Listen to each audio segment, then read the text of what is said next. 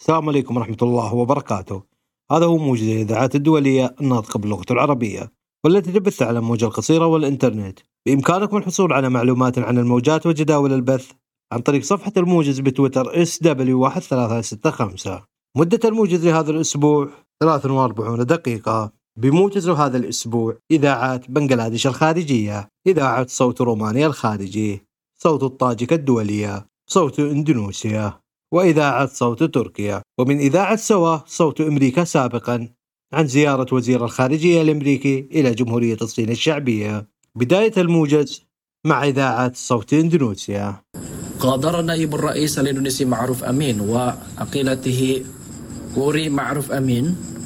ومرافقة محدودة إلى أوزبكستان يوم الاثنين في زيارة عمل في مهمة لزيادة التعاون بين البلدين.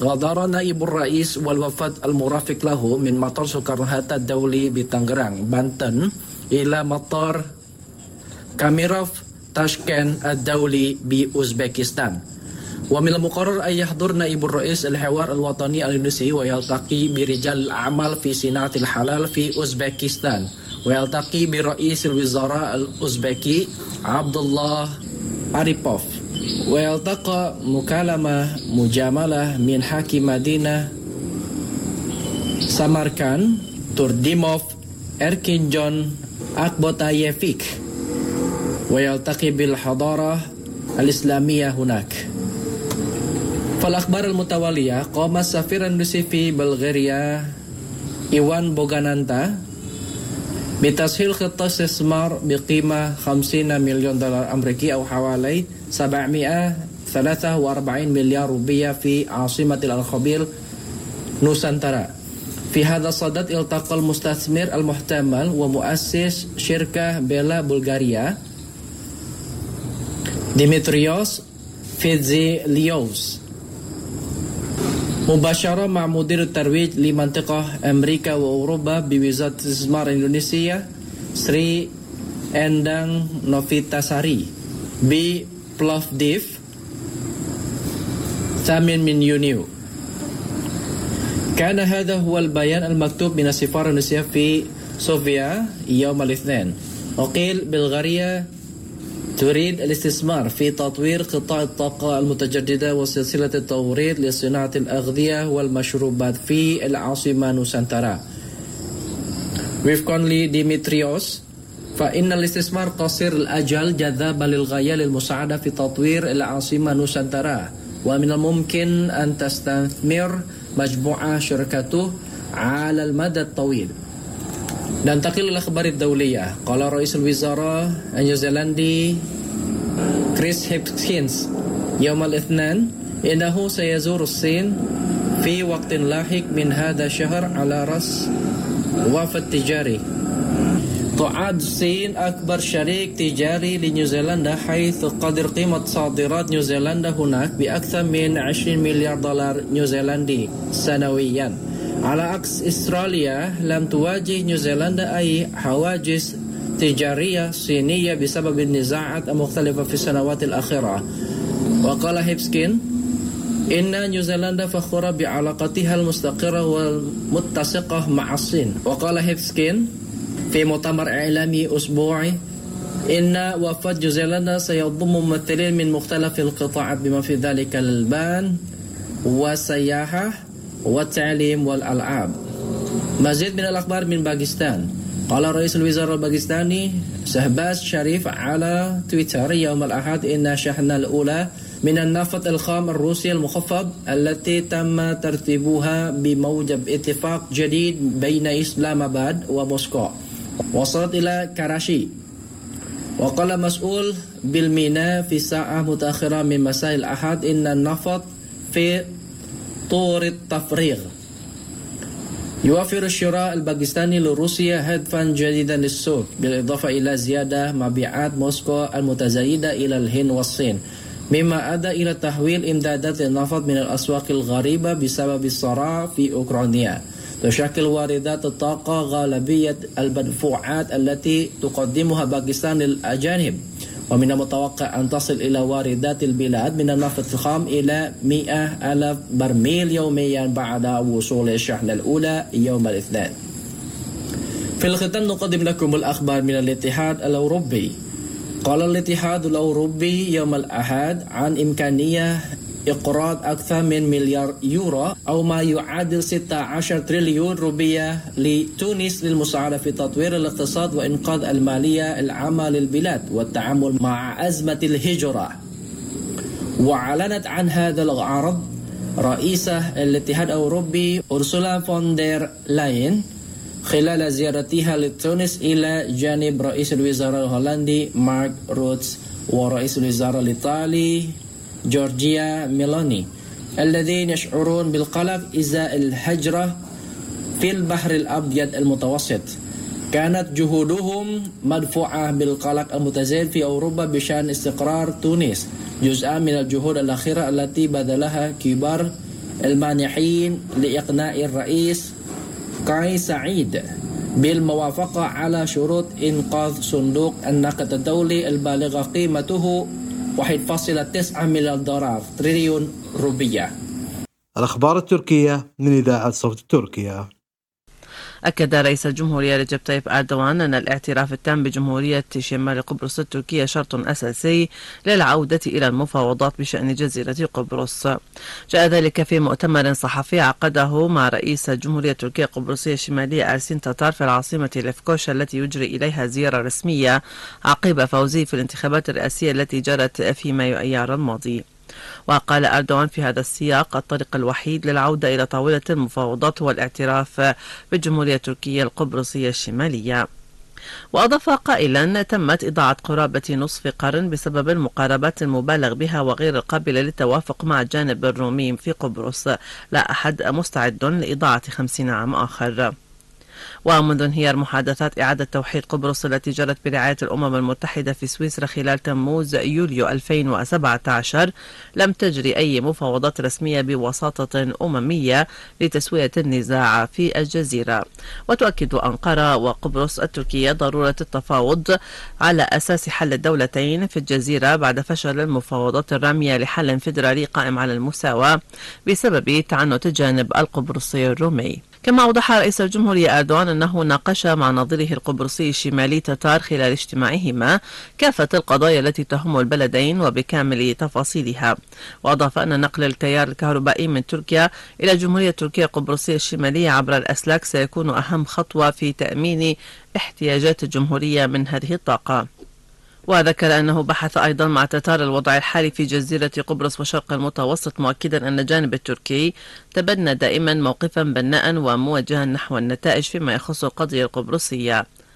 وقال أردوان أن المطالب المشروعة للقبارصة الأتراك واضحة ولا لبس فيها ولم يمكن للقبارصة الأتراك أبدا أقلية ولن يكونوا كذلك أبدا. أردف قائلا أولئك الذين يتجاهدون هذه الحقائق يستمرون في مواساة أنفسهم بأحلامهم في أن يكونوا الحاكم الوحيد للجزيرة. أنصحوا هؤلاء أن يضعوا هواجسهم جانبا وأن يتواجهوا مع حقائق الجزيرة. كما أردف رئيس الجمهورية أردوان للأسف لم يجد اقتراحي بشأن تنظيم مؤتمر إقليمي حول القضايا المتعلقة بشرق المتوسط أي استجابة. وأكد أن تركيا بصفتها دولة ضامنة للقضية القبرصية كانت وما زالت تدعم الحوار البناء لحل الخلافات القائمة. حذر أردوان من مغبة التسلح المخالف لتوازنات الجزيرة والمنطقة مؤكدا أن أمن ورخاء القبارصة الأتراك بمثابة أمن الشعب التركي. وأوضح أن تركيا ما زالت تدعم الجمهورية التركية القبرصية الشمالية بكل قوتها. وردا على سؤال حول العلاقات التركية اليونانية في المرحلة المقبلة قال أردوان خارطة طريقنا واضحة إنها قائمة على السلام. نريد من بحر إيجة أن ينقل رسالة سلام إلى العالم. وصل رئيس الجمهورية رجب طيب أردوان إلى عاصمة أذربيجان باكو على متن طائرة تي سي تور عقب برنامج الجمهورية التركية القبرصية الشمالية الذي أكمله في نطاق زيارته الخارجية الأولى بعد انتخابه رئيسا. وكان في استقبال رئيس الجمهورية أردوان في مطار حيدر علييف الدولي النائب الأول لرئيس وزراء أذربيجان يعقوب أيوبوف. ونائب وزير خارجية أذربيجان خلف خلفوف وسفير أذربيجان لدى أنقرة رشاد محمدوف وسفير تركيا لدى باكو جاهد باجي وموظفو السفارة. ويضم الوفد الزائر مع رئيس الجمهورية أردوان عقيلته أمينة أردوان ووزير الخارجية هاكان فيدان ووزير الطاقة والموارد الطبيعية ألباسلان بايراكتر ووزير الدفاع الوطني شارجولار ووزير النقل والبنية التحتية عبد القادر أورالولو ونائب رئيس حزب العدالة والتنمية المتحدث باسم الحزب عمر تشيليك ورئيس دائرة الاتصال لدى رئاسة الجمهورية فخر الدين أعطون ورئيس وكالة الاستخبارات التركية إبراهيم كلن ورئيس الصناعات الدفاعية هلوك جورجون هذا وحضر أردوان مأدبة العشاء التي أقامها الرئيس الأذربيجاني إلهام علييف في قصر جوليستان في باكو على شرفه. دعا رئيس الوزراء اللبناني نجيب ميقاتي الأمم المتحدة بالضغط على إسرائيل لوقف خروقاتها المتكررة للسيادة اللبنانية. جاء ذلك في بيان صادر عن الحكومة اللبنانية عقب اجتماع ميقاتي ووزير الخارجية عبد الله أبو حبيب مع القائد العام للقوات الدولية يونيفيل الجنرال أوروالدو لازارو بالعاصمة بيروت لبحث الوضع الأمني جنوب البلاد. وأكد ميقاتي أن لبنان ملتزم بقرار مجلس الأمن الدولي والتنسيق بين الجيش وقوات يونيفيل للحفاظ على الاستقرار في الجنوب وعلى طول الحدود اللبنانية. وطالب ميقات الأمم المتحدة بالضغط على إسرائيل لوقف خروقاتها المتكررة للسيادة اللبنانية وأيضا بوقف الأشغال ضمن الأراضي اللبنانية لأن هذا الأمر يتسبب بتوترات خطيرة. وتنشأ التوترات بين الحين والآخر بين السكان والجيش الإسرائيلي على الحدود الإسرائيلية في جنوب لبنان. وكان الراعي اللبناني إسماعيل ناصر من كفر شوبة قد أوقف جرافة إسرائيلية بجسده في مرتفعات البلدة خلال عملية تجريف كانت تقوم بها في أرضه بحجة العمل خلف خط الانسحاب في السابع من حزيران يونيو التي كانت تحاول حفر خندق هناك. وتعرض سكان كفر شوبة الذين أدوا صلاة الجمعة على الحدود يوم التاسع من يونيو تضامنا مع ناصر لتدخل الجيش الإسرائيلي بقنابل دخانية ومسيلة للدموع. بحث وزير خارجية دولة الإمارات العربية المتحدة عبد الله بن زايد النهيان ونظيره الياباني هياشي يوشيماسا سبل تحسين التعاون في مختلف المجالات. وحسب ما نقلته وكالة أنباء الإمارات الرسمية فقد التقى النهيان مع هياشي في العاصمة طوكيو في إطار زيارته لليابان. وناقش الوزيران سبل تعزيز الصداقة والتعاون في مجالات الاقتصاد والتجارة والصناعة والاستثمار في إطار الشراكة الاستراتيجية بين الإمارات واليابان. وجرى خلال الاجتماع تقييم ملف التغير المناخي والمؤتمر الثامن والعشرين للأطراف اتفاقية الأمم المتحدة الإطارية بشأن تغير المناخ كوب 28 الذي ستستضيفه دولة الإمارات هذا العام. وحسب بيان وزارة الخارجية اليابانية فقد ناقش الوزراء أيضا فرص التعاون في مجال الدفاع والوضع في أوكرانيا. وتبادل هياشي والنهيان وجهات النظر حول الوضع في الشرق الأوسط وشرق آسيا بما في ذلك كوريا الشمالية.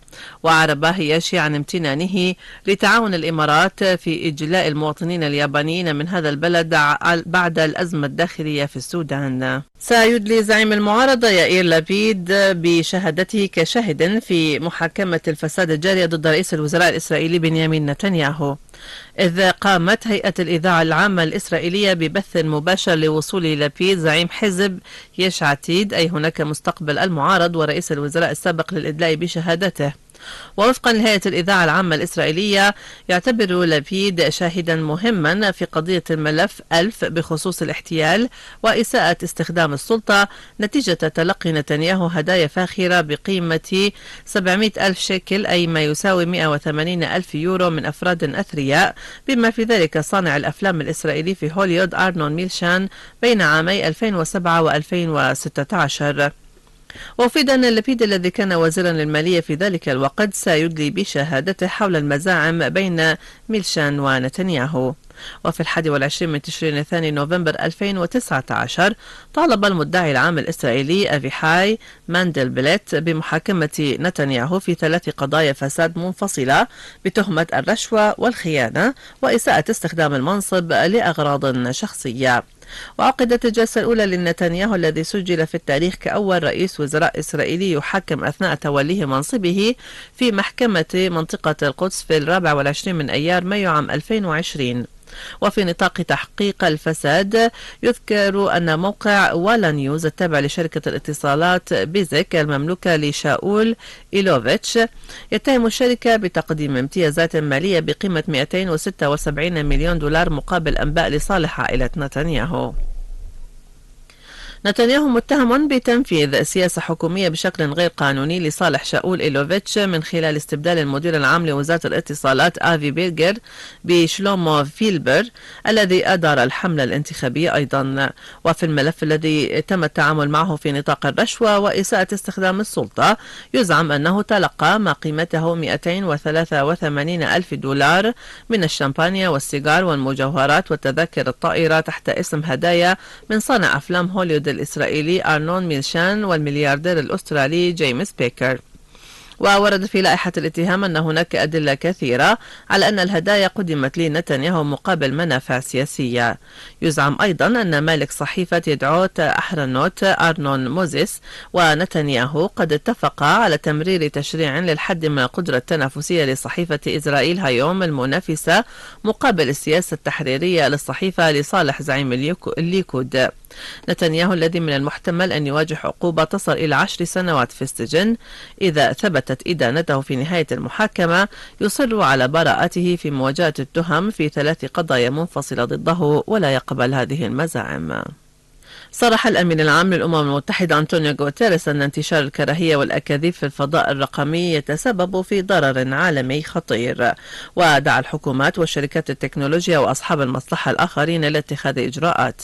وأشار غوتيريس إلى أن أجراس الإنذار تقرع بشأن أحدث أشكال الذكاء الاصطناعي مشيرا إلى أن التحذيرات بشأن هذه التكنولوجيا جاءت من مطوريها. وقال غوتيريس حث العلماء والخبراء العالم على اتخاذ إجراء معلنين أن الذكاء الاصطناعي يمثل تهديدا وجوديا للبشرية يساوي مخاطر الحرب النووية. يجب أن نتعامل مع هذه التحذيرات بجدية. وشدد على أن ظهور الذكاء الاصطناعي التوليدي لا ينبغي أن يصرف انتباه الناس عن الضرر الذي تسببه التكنولوجيا الرقمية بالفعل العالم وقال أن انتشار الكراهية والأكاذيب في الفضاء الرقمي يتسبب في أضرار عالمية خطيرة. كما أشار إلى أن هذا أدى إلى تأجيج الصراع والموت والدمار وتهديد الديمقراطية وحقوق الإنسان والإضرار بالصحة العامة وحركة المناخ. وذكر أن وسائل التواصل الاجتماعي تدعم المجتمعات في أوقات الأزمات وترفع أصوات المستبعدين وتساعد في التعبئة العالمية للعدالة العرقية والمساواة بين الجنسين مشيرا إلى أن نفس التكنولوجيا اليوم هي مصدر الخوف وليس الأمل. كما ذكر غوتيريس أنه يتم إساءة استخدام المنصات الرقمية لتخريب العلم ونشر المعلومات المضللة والكراهية لمليارات الأشخاص مؤكدا أن هذا يمثل تهديدا عالميا واضحا وقائما ويتطلب عملا عالميا واضحا ومنسقا. وأشار غوتيريس إلى أن التقرير الخاص بسلامة المعلومات في المنصات الرقمية الذي نشرته الأمم المتحدة يوفر إطارا لاستجابة دولية. كما أشار إلى أن التوصيات الواردة في التقرير التقرير تهدف إلى جعل الفضاء الرقمي أكثر أمانا وشمولية مع حماية حقوق الإنسان بقوة. أفيد أن الزلزال الذي بلغت قوته خمس درجات والذي وقع في جمهورية جنوب أفريقيا أمس الأول قد يكون مرتبطا بالهزات الأرضية التي كانت مركزها كهرمان مراش في تركيا في السادس من شباط فبراير. إذ أفاد عالم الجيولوجيا الجنوب أفريقي الدكتور جيديون جروينوالد في تقييمه لتلفزيون SABC أن مثل هذا الزلزال الذي وقع في مدينة جوهانسبورغ لأول مرة في السنوات الستة الماضية هو له ارتباط بالهزات الأرضية التي كان مركزها تركيا. وقال علينا أن نتذكر أن الصفائح الموجودة في قشرة الأرض تتحرك وأعتقد أن هذا الزلزال على الأرجح مرتبط بالزلزال شديد الخطورة الذي وقع في تركيا. الصفيحة الأفريقية مرتبطة بتلك الصفيحة وربما بسبب ذلك فقد تفاعلت الآن قليلا. يذكر أنه ضرب زلزال بقوة خمس درجات مقاطعة جوتينغ وأعلنت هيئة المسح الجيولوجي الأمريكية أن مركز الزلزال الذي يبلغ قوته خمس درجات كان في مدينة ألبرتون ولم تكن هناك أي خسائر في الأرواح أو الممتلكات في هذا الزلزال. وجد باحثون من جامعة ميشيغان في الولايات المتحدة الأمريكية أن اثنين من كل أربع مرضى غيبوبة أصيبوا بنوبة قلبية بعد استبعادهم من أجهزة الإنعاش. قد زادوا من نشاط المخ كجزء من الدراسة الأخيرة التي نشرت في مجلة Proceeding of the National Academy of Science. وفي هذا السياق ونتيجة لفحص أنشطة الدماغ لدى الأشخاص الذي توقف قلبهم لفترة زمنية معينة وعادوا إلى الحياة تبين أن بعض الأشخاص مثل مرضى الخرف أصبحوا واضحين في مشاعرهم فجأة واستدعوا بعض الذكريات المنسية. إذ لوحظ في الدراسة المسماة أوير 2 التي شملت أكثر من 500 مريض عادوا إلى الحياة بعد الإنعاش القلبي الرئوي في الولايات المتحدة الأمريكية وإنجلترا بين عامي 2017 و 2020 لوحظ زيادة في أنشطة الدماغ للأفراد. وأفاد سام بارينا قائد فريق أوير 2 أنه عندما تموت يحرم دماغك من الأكسجين والمواد المغذية. لذلك يتوقف عن العمل. ومع هذا الإغلاق يتم الوصول إلى أجزاء من دماغك لا يمكنك الوصول إليها عادة ويصبح العقل واضحا. فيما لاحظ جيمو بورجيجين أحد أعضاء فريق البحث زيادة في موجات جاما المرتبطة باليقظة والانتباه والتذكر في أدمغة هؤلاء المرضى. وذكر بورجيجن أن زيادة موجات جاما ووضوح ذكريات الأشخاص قبل الموت تحدث نتيجة لمحاولة الدماغ استعادة التوازن بسبب انخفاض مستوى الأكسجين. من إذاعة صوت الطاجك الدولية نشرة الأخبار. التقى اليوم رئيس لجنة مجلس النواب التابع لمجلس الأعلى لجمهورية طاجكستان للشؤون الدولية والنقابات العامة والإعلام سيد مراد فاتوزودا بالسفير فوق العادة والمفوض لجمهورية كوريا لدى جمهورية طاجكستان كوفين دون سو بحسب مجلس النواب التابع لمجلس الأعلى لجمهورية طاجكستان وجرى خلال الاجتماع بحث موضوع تعزيز التعاون بين جمهورية طاجكستان وجمهورية كوريا في كافة المجالات بما في ذلك العلاقات البرلمانية والتعاون الثقافي وغيرها من الموضوعات ذات الاهتمام المشترك. كما ناقش طرفان خلال الاجتماع قضايا توسيع العلاقات البرلمانية بين طاجكستان وكوريا وغيرها من القضايا ذات الاهتمام المشترك. استقبل نائب الأول رئيس مجلس النواب التابع لمجلس الأعلى لجمهورية تاجيكستان محمد علي فاتوزودا السفير فوق الأدب والمفوض لجمهورية باكستان الإسلامية في جمهورية تاجيكستان محمد سعيد سارفور بناء على الطلب وناقش طرفان خلال المحادثة الوضع وأفاق تطوير العلاقات الثنائية بين تاجيكستان وباكستان. كما تم خلال الاجتماع مناقشة قضايا تعزيز عمل مجموعات الصداقة البرلمانية بين دوشنبه وإسلام تم التأكيد على أنه من خلال الحوارات المستمرة رفيعة المستوى ستكتسب العلاقات الثنائية بين طاجكستان وباكستان محتوى جديدا في جميع الاتجاهات وستغطي العديد من المجالات الاهتمام والمصالح لكلا الطرفين في المستقبل.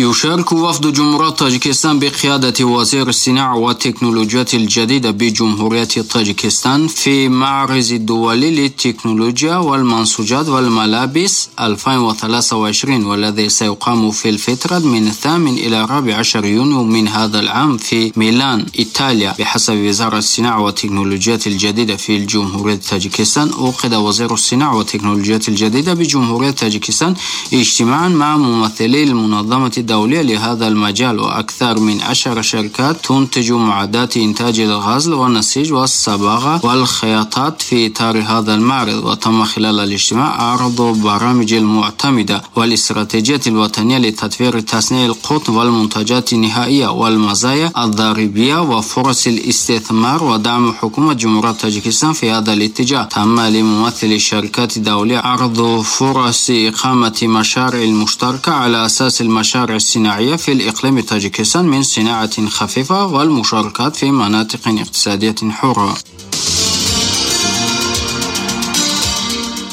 كما أسلفنا سابقا في إطار زيارة رسمية التي قام بها أمير الدولة قطر الشيخ تميم بن حمد آل ثاني إلى جمهورية طاجكستان مذكرة تفاهم بشأن التعاون في مجال السياحة والتجارة بين حكومتي البلدين. أبلغ لجنة تنمية السياحة التابعة لحكومة جمهورية طاجكستان للفوت خوار أن الغرض من توقيع الوثيقة هو إقامة وتوسيع التعاون في مجال أنشطة السياحة والتجارية فضلا عن تعزيز مجموعة أكبر من التعاون العلاقات بين البلدين بما في ذلك ذلك في اتجاه اقتصادي وتجاري وثقافي وإنساني. يجب التأكيد على أنه في إطار هذه الوثيقة ينفذ الطرفان تعاونا قائما على مبادئ المساواة والمصالح المتبادلة في سياق التشريعات الوطنية لبلدانهم وتنفيذها المناسب لصالح ورفاهية الشعب من كلا البلدين وتطوير العلاقات بين شركات السفر من كلا الجانبين يعتبر تنفيذ هذه الوثيقة إيجابيا بالنسبة لتبادل السياح بين شركات السفر من كلا الجانبين وجذب السياح من دولة قطر إلى جمهورية طاجيكستان وبشكل عام لتطوير قطاع السياحة في البلاد. إن توسيع التعاون المفيد والمستقبلي في قطاع السياحة سيوفر أساسا مواتيا لزيادة عدد السياح وحجم التجارة المتبادلة والاستثمار في تطوير البنية التحتية للسياحة والارتقاء بالتعاون المتبادل إلى مستوى نوعي جديد. يعد قطاع السياحة أحد الاتجاهات الماثرة للاهتمام لمزيد من التعاون بين طاجكستان وقطر وستعد هذه الوثيقة دافعة جادة لتطوير التعاون. أخبار بنغلاديش من إذاعة بنغلاديش الخارجية. عقدت رئيسة الوزراء البنغلاديشية الشيخة حسينة الموجودة الآن في جنيف اجتماعا مع رئيس الاتحاد السويسري إليان بيريس في قصر الأمم ظهر اليوم بالتوقيت المحلي ناقش الزعيمان خلال الاجتماع مختلف القضايا المتعلقة بالمصالح الثنائية. كما شاركت في الاجتماع وزير خارجية بنغلاديش الدكتور كي عبد المؤمن وسكرتير وزارة الخارجية مسعود بن مؤمن وسكرتير مكتب رئيسة الوزراء محمد صلاح الدين وكاتب خطاب رئيسة الوزراء محمد نزر الإسلام. بعد المحادثات تم توقيع مذكرة تفاهم حول تعزيز المعرفة والمهارات بين بنغلاديش وسويسرا وتبادلها وتبادلاتها. شهدت رئيسة الوزراء ورئيس الاتحاد السويسري مراسم التوقيع في وقت سابق قام المفوض السامي للأمم المتحدة لشؤون اللاجئين فليبو جراندي والأمير رحيم آغا خان باستدعاء رئيسة الوزراء في مكان إقامتها بشكل منفصل.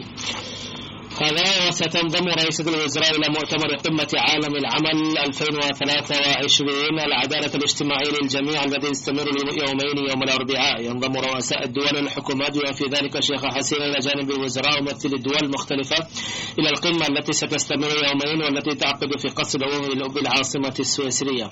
ستتحدث رئيسة الوزراء أمام لجنة على مستوى رؤساء الدول والحكومات بعنوان تعزيز تكافؤ الفرص والعمالة الكاملة والمختلفة. المختارة بحرية والمنتجة للجميع من خلال التعليم والتعليم مدى الحياة وتنمية المهارات. كما سيلقي زعماء العالم بمن فيهم رؤساء جنوب أفريقيا ومالطا وجمهورية أفريقيا الوسطى وكذلك رئيس وزراء توغو كلمات في حلقة النقاش. وفقا للجدول الزمني ستقوم الشيخة حسينة أيضا بزيارة منفصل رئيس جنوب أفريقيا ماتاميلا سيريل رامافوزا ورئيس مالطا دكتور جورج فيلا في قصر الأمم يوم الأربعاء. وسيقوم المدير العام لمنظمة العمل الدولية جلبرت إف هومبغو بزيارة رئيسة الوزراء في نفس المكان. في المساء بالتوقيت المحلي من المرجح أن تحضر رئيسة الوزراء مأدبة عشاء مع شخصية رفيعة المستوى يستضيفها المدير العام لمنظمة العمل الدولية في مقرها في جنيف. زار الرئيس البنغلاديشي محمد شهاب الدين اليوم الأربعاء متحف بونغو بابون توشخانا في بونغو بابون بالعاصمة وشاهد شريط فيديو للمنشآت التي تم تجديدها لمتحف توشخانا التاريخي وكذلك قصر بونغو بابون القصر الرئاسي. وعبر محمد شهاب الدين عن رضاه عن أعمال التجديد والتزيين عقب زيارته للمتحف وقال إن متحف بونغو بابون هنا سيلعب دورا مهما في الحفاظ على تاريخ بونغا الغني وتقديمه للناس من جيل إلى جيل آخر. في وقت لاحق وقع الرئيس أيضا على دفتر الزوار. توجه الإشارة إلى أنه تحت الإشراف العام لبنغبون تم تجديد تشكن المتداعية في متحف بمظهر حديث في يناير هذا العام. في الرابع والعشرين من يناير افتتح الرئيس السابق محمد عبد الحميد المنشآت التي تم تجديدها لمتحف بنغبون توشاكنا مما جعله مفتوحا للزوار على نطاق محدود. من جانبه قال الأمين العام لحزب عوام ليغ البنغلاديشي وزير النقل البري والجسور عبيد القادر إن حزب عوام ليغ لا ولن تستسلم لأي ضغوط صرح بذلك أثناء ردي على سؤال من الصحفيين عقب حفل افتتاح مشروع سلامة الطرق في بنغلاديش في مركز بنغبند الدولي للمؤتمرات بالعاصمة اليوم الاربعاء. قال عبيد القادر إنه فيما يتعلق بالضغوط الأجنبية على الإفراج عن رئيسة حزب بنغلاديش الوطني بضم خالد الضياء فإن بنغلاديش لم تتدخل في الشؤون الداخلية لأي دولة وعليه فإن التدخل الأجنبي في الشؤون الداخلية لبنغلاديش ليس له ما يبرره وقال إنما زعم حزب BNP ضد حزب عوامي ليج بشأن إبقاء بيغم ضياء في السجن وإلغاء نظام حكومة تصريف الأعمال كاذبة. هذا وقال وزير الثروة السمكية والثروة الحيوانية في بنغلاديش اسم رزاق الكريم إنه في عيد الأضحى المقبل تمتلك البلاد مخزونا كبيرا من الأضاحي ضد الطلب. ووجه وزير الثروة الحيوانية وكالات تطبيق القانون بضرورة توخي الحذر الشديد لمنع الدخول غير المشروع للأبقار من الدول المجاورة كما أصدر تعليماته لمسؤولي الوزارة ووكالات إنفاذ القانون بتوخي الحذر الشديد حتى لا يتم تشكيل نقابة لبيع الأضاحي قبل عيد الأضحى. يتم الاحتفال باليوم العالمي للتبرع بالدم في بنغلاديش يوم الأربعاء مثل أماكن أخرى في العالم لإلهام الناس للتبرع بالدم المأمون لإنقاذ حياة الناس. يحتفل الع... يتم الاحتفال باليوم من كل عام في الرابع عشر من شهر يونيو منذ عام 2004 لنشر وعي حول الوصول إلى الدم المأمون وأيضا لشكر المتبرعين بالدم لبذل جهود للتبرع بالدم وإنقاذ الأرواح. وموضوع هذا اليوم العالمي للمتبرعين بالدم لهذا العام هو التبرع بالدم. اعطي البلازما شارك في الحياة شارك تشارك في كثير من الأحيان. تشمل البرامج مسيرة على الأقدام المتبرعين بالدم ومخيم الدم وبرنامج تكريم المتبرعين بالدم. يتم الاحتفال بالذكرى السنوية الثانية والعشرين لتأسيس هيئة الموانئ البرية في بنغلاديش بشكل لائق في جميع أنحاء البلاد. اليوم الأربعاء موضوع الذكرى التأسيسية لهذا العام هو زيادة التجارة البرية ستجلب التنمية والازدهار للبلاد. أعطى رئيس بنغلاديش محمد شهاب الدين ورئيس وزراء بنغلاديش الشيخ حسين رسالتين منفصلتين. تبنيتا عن لكل البرامج المنفذة في هذه المناسبة بالنجاح. قالوا في رسائلهم يجب أن تصبح الموانئ البرية فعالة وذكية في تسهيل التوسع التجاري والتجارة عبر الحدود والاتصالات لجعل بنغلاديش دولة متطورة. بدأ بيع تذاكر القطار المسبق عبر الإنترنت لعيد الأضحى القادم يوم الأربعاء للحد من معاناة الناس في الرحلات خلال المهرجان ومع ذلك لم يتم استرداد استرداد التذاكر المباعة هذه المرة. إنها المرة الأولى التي تباع فيها تذاكر القطار في نوبتين لمناطق مختلفة. سيبدأ بيع تذاكر العودة المسبقة في الثاني والعشرين من يونيو عندما تتوفر تذاكر الرحلات بعد العيد في الثاني من يوليو. يذكر أن سكة حديد بنغلاديش ستشغل ثمانية أزواج من القطارات الخاصة في الطرق المختلفة بمناسبة عيد الأضحى. أما عالميا ففي باكستان تم إجلاء أكثر من مئة ألف شخص من مسار إعصار عنيف ببورجاي متجها نحو الهند وباكستان. وقالت مصادر أن المتوقع أن يكون الإعصار عاصفة شديدة للغاية وسيضرب مساء الخميس. حذر خبراء الأرصاد الجوية في الهند من أضرار واسعة بالنقاط بما في ذلك تدمير المحاصيل ونظام الطاقة والطرق. النبأ الأخير في هذه النشرة. قتل ثلاثة أشخاص على الأقل وأصيب ثلاثة عشر آخرون في هجوم صاروخي روسي على مدينة أوديسا الساحلية جنوب أوكرانيا. قالت مصادر أن روسيا أطلقت أربعة صواريخ كروز على مباني مدنية في ميناء أوديسا على البحر الأسود صباح اليوم. وقالت أوكرانيا أن الضربات الجوية ضررت أيضا مركزا تجاريا ومؤسسة تعليمية ومجمعا سكنيا ومؤسسة غذائية ومتاجر في وسط المدينة. وختام أخبار الموجز من إذاعة صوت رومانيا الخارجي. سيجتمع وزراء التربية والعمل والمالية يوم الثلاثاء في بوخارست مع ممثلي نقابات التربية لبدء مناقشات حول جدول الرواتب في التربية الذي من المنتظر أن يدرج في قانون الرواتب الجديد حسب ما ذكرت مصادر حكومية. رئيس الوزراء الجديد الاشتراكي الديمقراطي مارشيل شولاكو التقى يوم الجمعة مع النقابيين العاملين في هذا المجال ومساء الخميس في الجلسة الأولى للحكومة الجديدة أعلن مارشيل شولاكو أن من بين أولوياته خفض أسعار المواد الغذائية الأساسية وخفض معدل التضخم. من المنتظر وصول رئيس وزراء جمهورية مولدوفا السوفيتية السابقة ذات الأغلبية الناطقة باللغة الرومانية وجارة رومانيا دورين ريتشان إلى بوخارست يوم السبت بحسب مصادر حكومية رسمية حيث سيستقبله رئيس الوزراء الجديد مارتشيل شولاكو. وبحسب نفس المصادر سيجري رئيس السلطة التنفيذية الرومانية الجديدة أول زيارة خارجية إلى جمهورية ألمانيا الاتحادية حيث سيلتقي بالمستشار أولاف شولز. يجب أن يستند أساس بناء وعمل نموذج اقتصادي لرومانيا على قواعد نموذج الاتحاد الأوروبي ويجب على السلطات في بوخارست اتخاذ التدابير لموازنة العرض الداخلي مع الطلب الداخلي يقول محافظ البنك المركزي الوطني الروماني موغوري ساريسكو الذي دعا رواد الأعمال الذين يدعمون الاقتصاد والباحثين في هذا المجال على حد سواء للتعبير عن آرائهم علنا للمساهمة في تحسين نوعية المعلومات المتداولة في المجتمع. يهدد النقابيون من الشركة الوطنية للنقل الجوي تاروم بالإضراب إذا لم ترفع رواتبهم حيث يطالبون أن ترفع بنسبة 15% بينما تقبل وزارة النقل بنسبة 8% فقط بشرط الالتزام المفترض بإعادة هيكلة الشركة التي تعاني من تراكم للخسائر منذ 15 عاما. من ناحية أخرى عبر عن سخطهم أيضا النقابيون من اتحاد التضامن الصحي الذين اعتصموا يوم الخميس أمام الوحدات الطبية في جميع أنحاء البلاد. الاحتجاجات نظمت دون انقطاع النشاط. النقابيون يريدون رواتب ومنافع وفقا للقانون بالإضافة إلى فك القيد عن التوظيف في نظام الصحة العامة. ويحذرون في حال عدم إيجاد حلول لمطالبهم من إضراب تحذيري في السابع والعشرين من يونيو حزيران الجاري وإضراب عام في الأول من يوليو تموز المقبل. ونذكر أن الإضراب العام الذي استمر لمدة ثلاثة أسابيع في التعليم قبل الجامعي كان قد علق يوم الاثنين فقط بعد أن تعهدت الحكومة برفع الرواتب ومنح مكافآت للموظفين العاملين في هذا المجال. وضعت اللجنة الحكومية الرومانية الألمانية المشتركة المعنية بمشكلة العرقية الألمانية في رومانيا خلال اجتماعها يوم الخميس في مدينة تيميشوارا غرب رومانيا.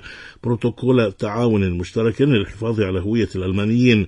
الاجتماع عقد هذا العام على خلفية تحركات مكثفة للعلاقات الرومانية الألمانية التي يعود الفضل فيها إلى المساهمة الملموسة للأقلية الألمانية. حيث اتفق على الترويج للعلاقات الثنائية عبر الثقافة والفن والمشاريع الاقتصادية والحفاظ على بعض الصروح والآثار الفنية الألمانية في رومانيا.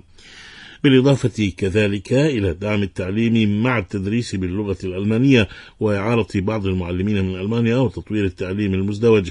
ألمانيا هي الشريك التجاري الرئيسي لرومانيا حيث بلغ حجم التبادلات التجارية العام الماضي 40 مليار يورو وهي ثاني أكبر مستثمر في رومانيا مع وجود أكثر من 25 ألف شركة برأس مال إجمالي مستثمر يقدر بنحو 5 مليارات و500 مليون يورو. نختم الموجز من إذاعة راديو سوا عن زيارة وزير الخارجية الأمريكي إلى جمهورية الصين الشعبية. قال وزير الخارجية الأمريكي أنتوني بلينكين إن أحد أهداف زيارته إلى الصين الأحد والاثنين المقبلين هي تجنب الحسابات الخاطئة مع بكين. من جانبه أو من جانبها قالت الصين إن باب الحوار مع الولايات المتحدة مفتوح دائما وزير الخارجية الأمريكي في طريقه إلى بكين في زيارة هي الأولى لمسؤول أمريكي كبير منذ عام 2018 حيث يتوقع أن يجري محادثات مع المسؤولين الصينيين يومي الأحد والاثنين المقبلين. وأفادت مصادر بأنه قد يلتقي الرئيس الصيني شي جين بينغ.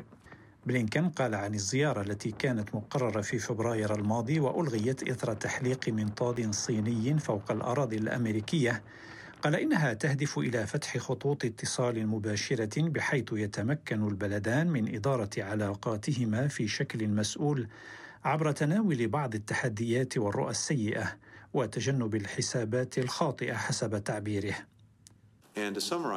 الرحلة التي أقوم بها للصين تستهدف تحقيق ثلاثة أهداف.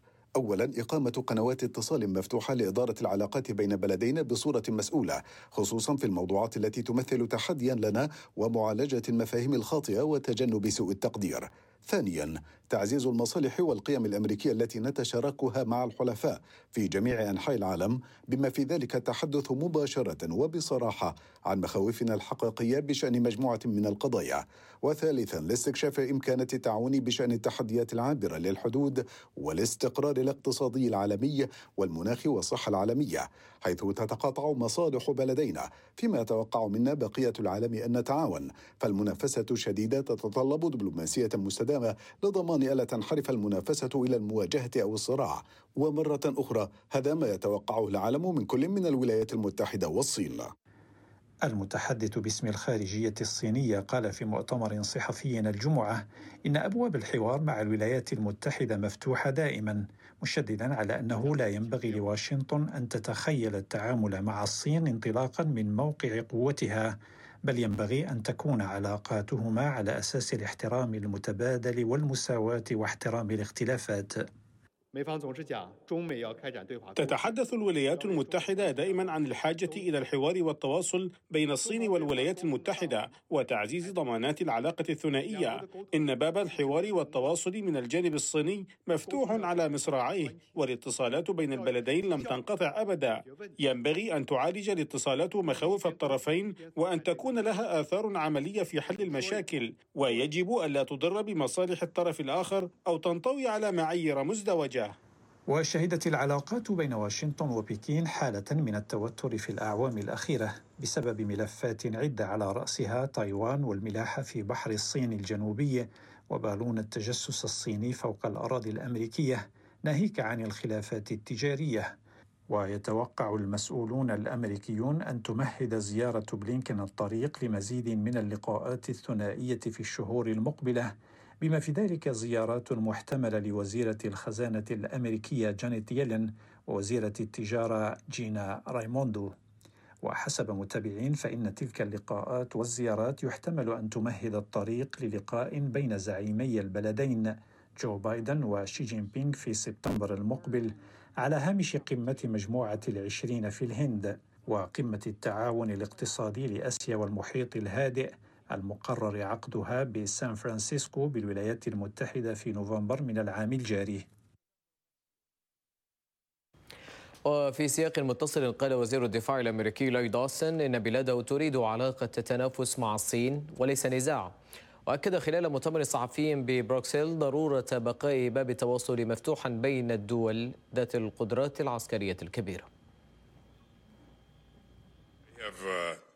بذلت جهدا قبل ذهابي إلى سنغافورة وأثناء وجودي هناك للانخراط مع نظير الصيني وأنا واثق أنه مع الوقت سيحدث ذلك وسنلتقي لكننا لم نصل لذلك بعد ليس لأننا لم نحاول. كنت في سنغافورة قبل أسبوع ونصف ولم أتواصل معه منذ ذلك الحين لكن الباب مفتوح وخط هاتفي مفتوح. سنواصل العمل للتأكد من أن لدينا قنوات اتصال مفتوحة. أعتقد أن من المهم للدول ذات القدرات العسكرية الكبيرة أن تمتلك وسائل التواصل مع بعضها البعض لنتمكن من إدارة الأزمات المحتملة والتأكد من عدم السماح للأمور بالخروج عن السيطرة. نوع العلاقة التي نريدها مع الصين علاقة تنافس لا تنازع. شكرا لاستماعكم والسلام عليكم ورحمة الله وبركاته.